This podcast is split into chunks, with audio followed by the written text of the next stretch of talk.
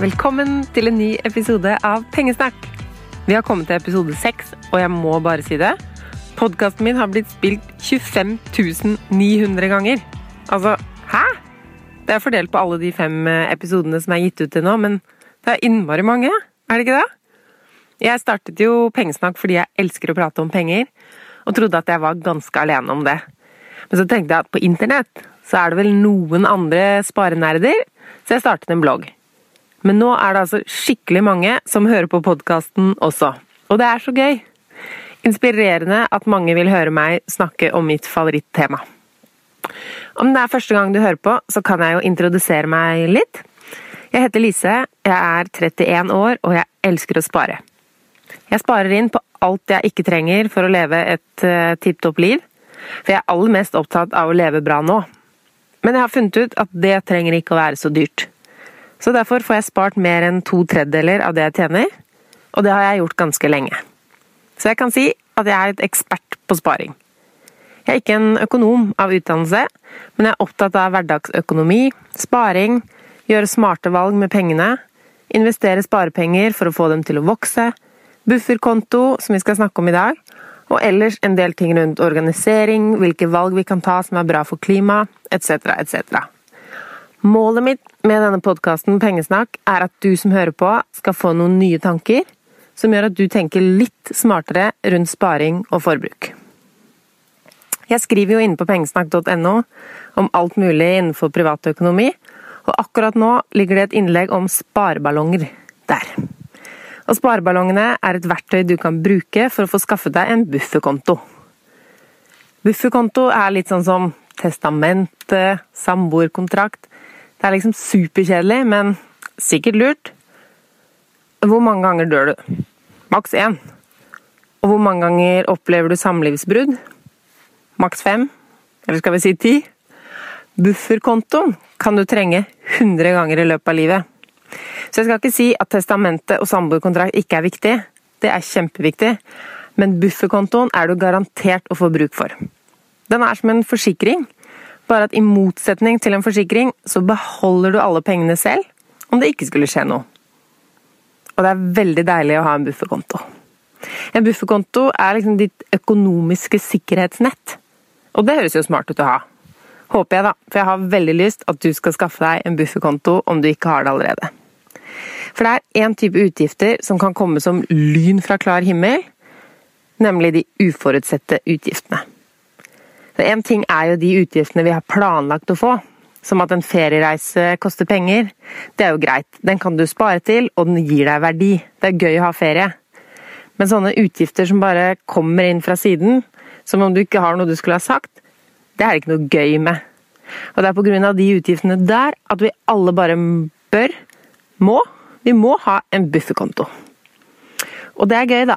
Når det skjer noe, at du har penger klar for å unngå at en uforutsett utgift blir en krise.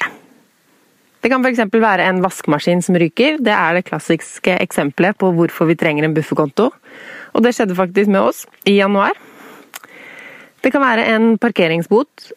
Kanskje kunne den vært unngått, men har du først fått den, så har du den. Og den må betales. Og du må ha ny vaskemaskin hvis den ryker.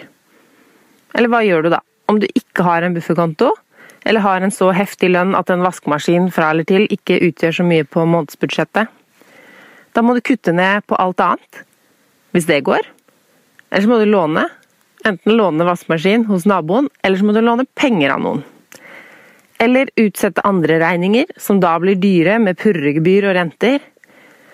Når det gjelder vaskemaskin, så kan den også kjøpes, og dette her bør du sky som pesten, den kan kjøpes på avbetaling. Jeg gikk faktisk inn og sjekket det litt ut da vi måtte ha ny vaskemaskin nå. Jeg skrev om dette i det nyhetsbrevet mitt for de av dere som får det. Hvis du ikke får nyhetsbrev og har lyst til å få det, så melder du deg inn på pengesnakk.no. Så har jeg en sånn fane helt øverst hvor det står 'bli med'. For da er du garantert å ikke glemme meg. Foreløpig sender jeg ut noe pengesnakk ca. en gang i måneden. Men det kommer oftere etter hvert. Jeg har tenkt det fordi det er så gøy å ha enda tettere dialog med dere. Men ja, avbetaling. Eh, man kan kjøpe en vaskemaskin til 53 kroner i måneden. Og det er jo så lite at selv jeg ble frista. 53 kroner i måneden, det er jo ingenting. men det er det. Fordi hvis man regner 53 pluss 53 pluss 53, så lenge det lånet der hadde planlagt å løpe, ender vaskemaskinen opp med å koste 18 000 kroner. Og det er hvis du betaler alle avdragene i tide. En rente på 30% og tilbakebetaling over så lang tid gjør en vaskemaskin dobbelt så dyr som den hadde vært om du kjøpte den med en gang. Så det kan bli altfor dyrt å ikke ha en bufferkonto. Du vet ikke når neste uforutsett utgift inntreffer, så det gjelder å være klar. Alltid beredt. Og det er du med en bufferkonto. Det er mye annet som kan skje enn en vaskemaskin som ryker. Det kan være større ting eller mindre ting. Men de færreste av oss, tenker jeg da, jeg tar kanskje feil, de færreste av oss har det sånn at når du finner ut at ok, jeg skal ha en sånn bufferkonto, så er det bare å sette inn et stort beløp på en egen konto, og så har man en bufferkonto. For de fleste av oss så er det sånn at det beløpet må spares opp over tid. Og i starten så er det ikke nok på den kontoen til å kjøpe en vaskemaskin. Men er det grunn til å ikke starte en bufferkonto? Nei. Hvis det står 400 kroner på bufferen din, så har du 400 kroner hvis det skulle oppstå en uforutsett utgift. Og når den utgiften kommer, så er det jo mer hjelp i 400 kroner enn i null kroner. Det, men det er også grunnen til at det ikke er noe å vente med å starte en sånn bufferkonto. For jo mer tid du har på deg til å spare før du får en uventa utgift, jo bedre. Så start i dag. Hvis du går inn på pengesnakk.no, så kan du laste ned disse spareballongene, som er et skjema vi har laget. Vi, sier jeg, fordi jeg har fått hjelp av to veldig snille venner til å tegne opp dette. Det er et bilde av masse ballonger som man skal fargelegge etter hvert som man sparer. Les alt om det inne på bloggen. Vi starter med 1 av lønna di, og det tror jeg du skal klare. Og når du går inn for å hente opp det skjemaet, så gjør det på dataen og ikke på mobilen. For det har jeg fått litt tilbakemeldinger på, at folk åpner det på mobilen, og der kan man jo ikke skrive ut noe som helst, og så får man ikke lagra det, eller du får det ikke på mail, det bare kommer opp. Så gjør det på dataen. Trykk det opp, og så skriv det ut. Fordi buffer er steg nummer én for en økonomi som går på skinner. Først når du har bufferen, så kan du begynne å spare til noe som er gøy. Ferie, bil, ny symaskin. Og du kan begynne å investere, hvis du har lyst til det. Men bufferen, ditt økonomiske sikkerhetsnett, kommer først. Men hvor stor skal den være? Én ting er å spare den opp jevnt og trutt, eller mer og mer, men hva er målet? Når er bufferkontoen full? Det kommer an på. Sorry, jeg skulle gjerne gitt dere et eksakt beløp. Jeg ser at noen opererer med én månedslønn eller to-tre. Andre sier opptil seks månedslønner. Jeg tenker at du helt selv må finne ut det her, men jeg skal hjelpe deg litt på vei. Hvor mange ting har du som kan gå i stykker? Hvor store utgifter kan plutselig dukke opp? Altså Hvis du bor i et gammelt, stort hus med en familie, to biler, så må du ha en større buffer enn en som bor i en liten leilighet og alltid sykler. Sykkelen kan jo punktere. Det kan eh, komme en dyr tannlegeregning. Men hvis du har eh, dette huset, som er stort og gammelt, en ekstra høy strømregning, eller man må bytte et vindu, det kan bli utfordrende uten en bufferkonto. Hvis det var noe annet som måtte repareres måneden før, eller du egentlig driver og sparer til et nytt gjerde. Så du må lage deg et tall du får et forhold til. Og jeg har valgt meg 50 000.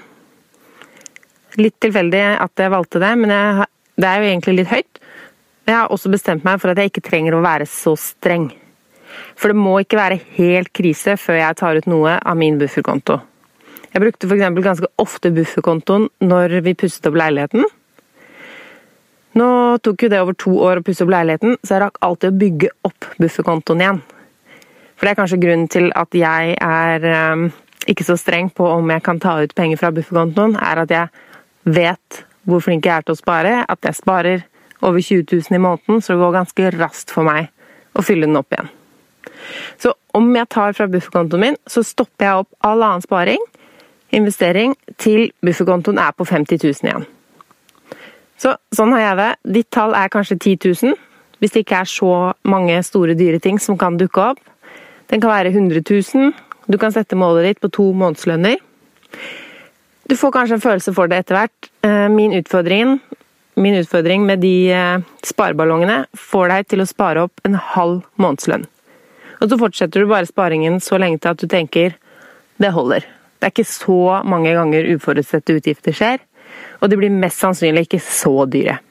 Da har du en perfekt bufferstørrelse.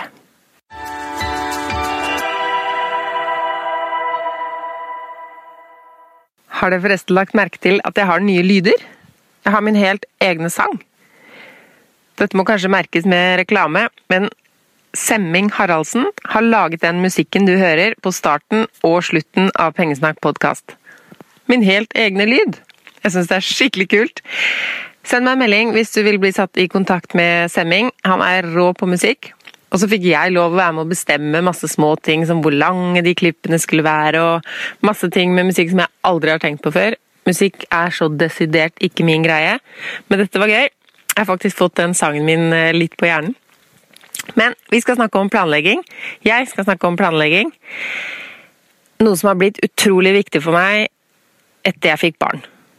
Jeg har ikke lenger den friheten jeg hadde, og livet må planlegges i mye større grad. På godt og vondt.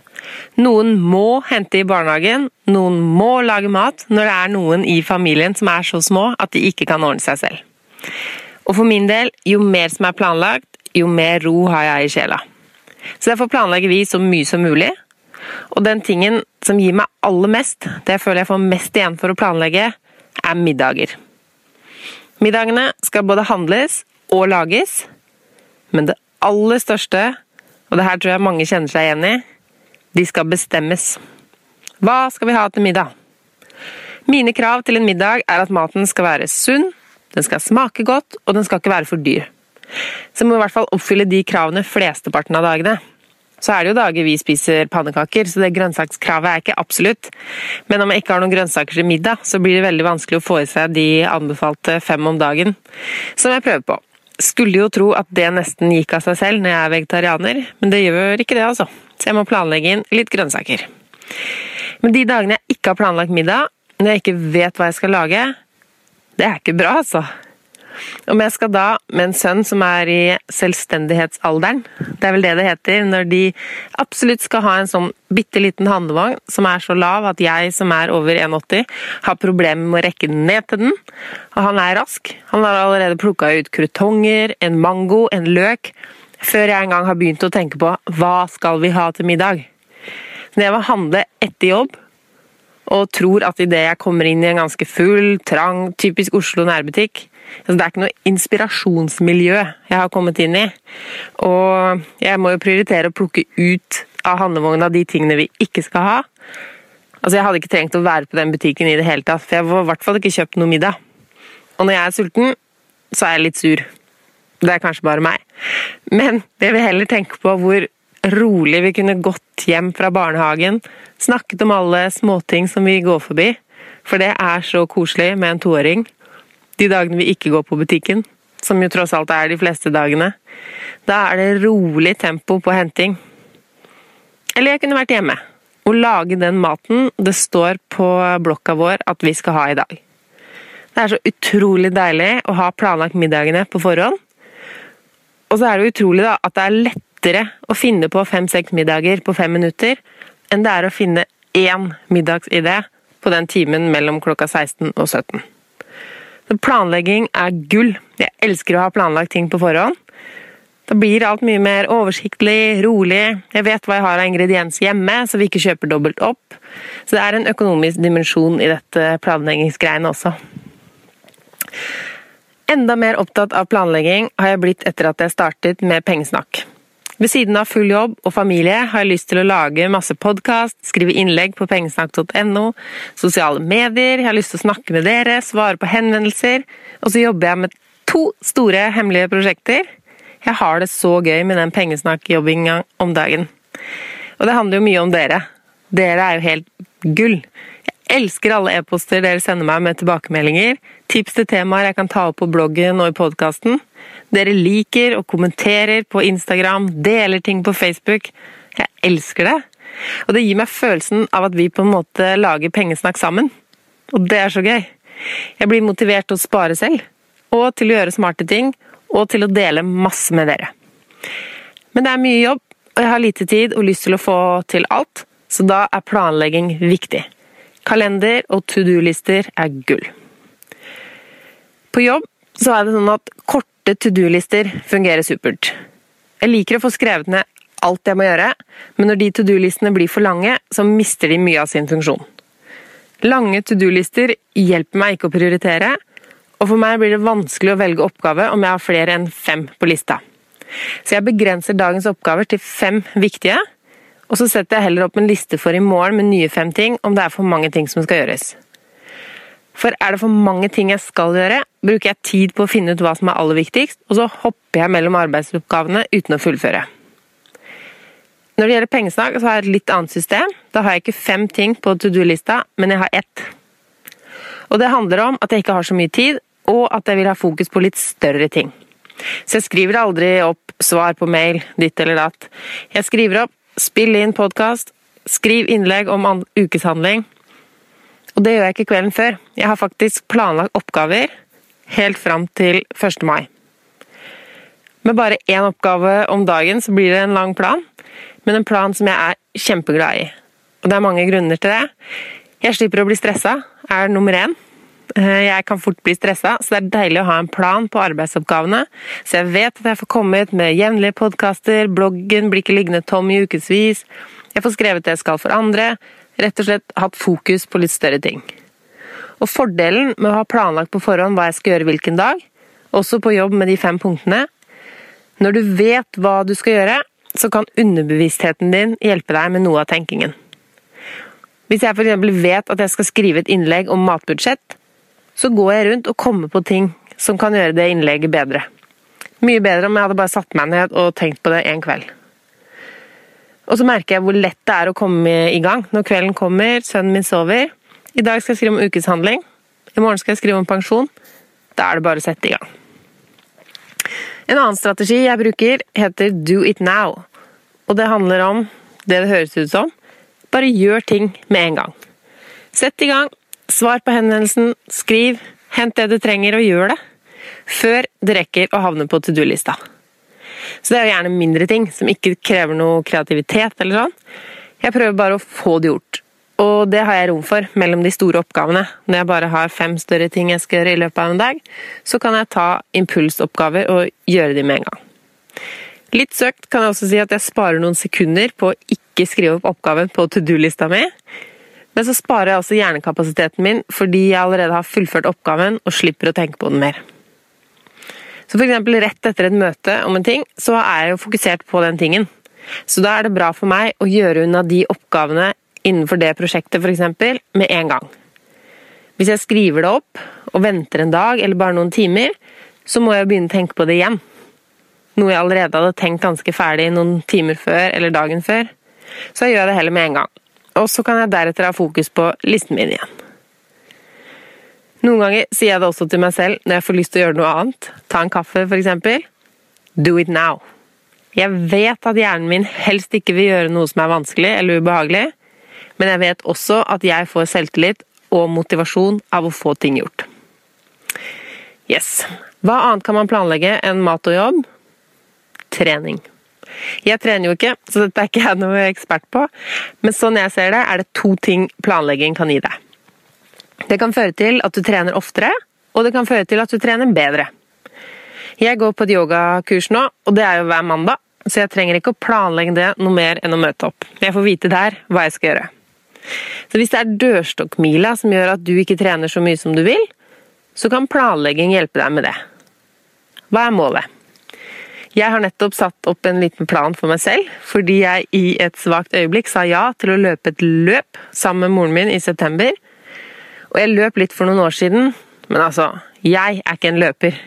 Dette må jeg planlegge for å få til. Så målet mitt er altså å løpe 10 km i september.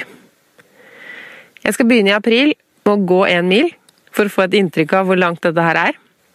To ganger, men den ene gangen skal jeg jogge 3 km og gå resten.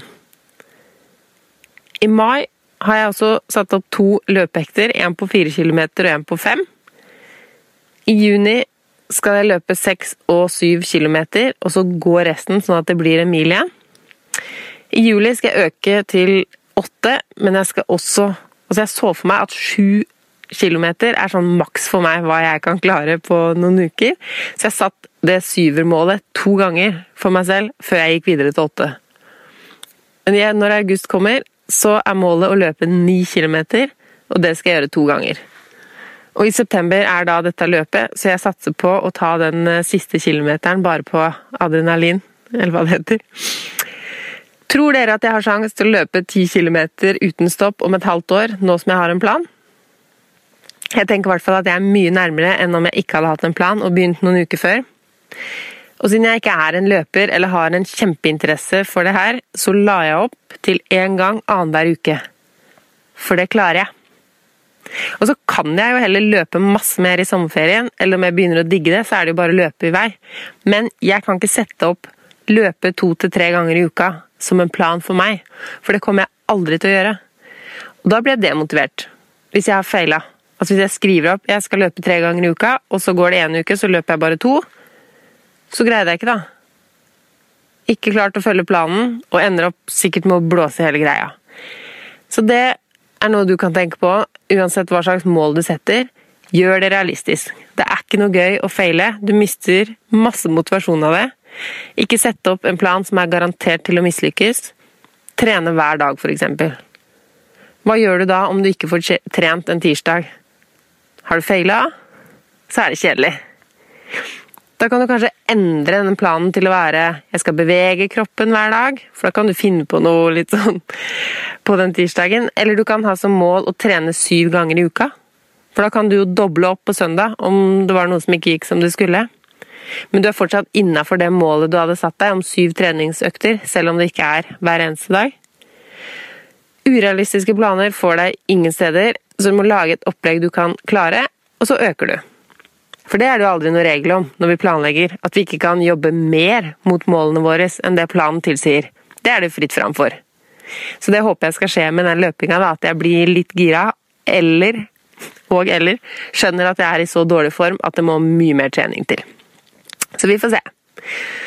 Og det med mål, det gjelder jo i aller høyeste grad sparingen også.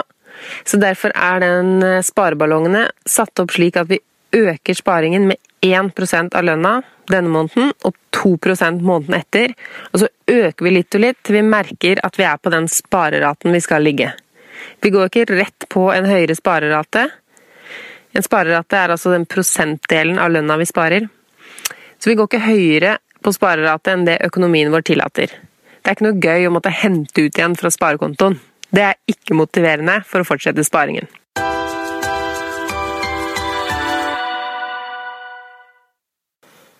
Det jeg planlegger mest med mannen min, er hverdagen og mat. Hva skal hvem, når, hva skal vi spise, hvem handler, hvem henter. Men av og til så er det andre ting som må planlegges, og jeg synes det er både gøy å planlegge og det gjør ting effektivt. Vi har planlagt mye oppussing. Nå er vi ferdige, men vi har fortsatt et skjema med alt vi vil. For eksempel må vi male ytterdøra, men det må vi gjøre når det ikke er for kaldt ute. Vi har en kant i stua som må sparkles. Eh, vi har rom for rom, en plan med småting som mangler, eller ting vi ønsker oss i de enkelte romma. Problemet med den planen er at den mangler datoer. Så det er egentlig ikke en plan, det er bare en oversikt. Så det jeg burde ha gjort, har jeg innsett, er å bytte ut overskriftene mine. For i dag har jeg delt den inn etter rom. Jeg har kjøkken, bad, gang, det andre badet. Hvis jeg isteden hadde skrevet januar, februar Det tror jeg faktisk jeg skal gjøre. Og så kan jeg ha månedlige mål, for da tror jeg det er mye større sannsynlighet for at de tingene blir gjort, enn når jeg har en stor liste som vi ikke alltid får begynt på. Jeg spurte dere på Instagram hva dere planlegger, og da er det en av dere som svarte at han planlegger inn hvile. Og det syns jeg var så fint og viktig at det vil jeg si til alle dere. Planlegg inn hvile. Både egentid, helt alene, og rolige familiehelger hvis du har familie. Det er nok av ting å melde seg på, få med seg. Venner og familie skal besøkes, vi skal ha besøk. Vi har ting vi vil ha gjort, sånn som å rydde i boden. Det er noe av det beste jeg veit, det er å ikke ha noen planer. Også etter sånn uh, uke uten planer, så er jeg jo overklar for å møte mennesker igjen, finne på noe, gi av meg selv, men da må jeg også av og til lade litt. Ikke tenk at kalenderen er til for å fylles. Da må du i så fall også fylle inn med én time i badekaret, én times tepause, én time lese. Jeg bruker så mye tid på å skrive at jeg sjelden leser, så det kan jeg også planlegge inn. Litt strikking, kanskje. Jeg skal, jeg skal, avslutte nå og ta meg et bad, faktisk. Jeg ble frista til det da jeg sa det. Men før jeg avslutter, det er jo én ting man kan planlegge som jeg ikke har sagt så mye om i dag. Og det er så klart økonomien. Vi kan planlegge hvordan vi skal bruke penger. Og det er et så stort tema at jeg ikke starter på det engang i dag. Jeg holder på å skrive. Jeg skriver masse om det her. Og om altså, hva man kan gjøre for å komme seg fra en hverdag der penger er noe som kommer inn og går ut, til en hverdag med fullstendig oversikt over økonomien og en plan for hva økonomien skal gjøre for deg. Det kommer så klart mer info om dette her etter hvert som vi nærmer oss hva skal jeg si, lansering, men sørg for at du er på e-postlisten min, der kommer infoen først. Eller så kan du sende meg en mail på pengesnakk at outlook.com om du kjenner med en gang at dette er noe du må være med på, uansett hva det er jeg driver og planlegger. Det var det for i dag. Litt stilig at siste ord ble planlegger, i dag som jeg snakket om planlegging. Neste podkast er jeg tilbake med spørsmål og svar. Dere spør om så mye fint, så jeg gleder meg til å ta fatt på det. Jeg har massevis av spørsmål å ta av, men du kan alltid sende inn flere. Til neste gang, jeg er på Instagram, pengesnakk og på pengesnakk.no. Ha det bra!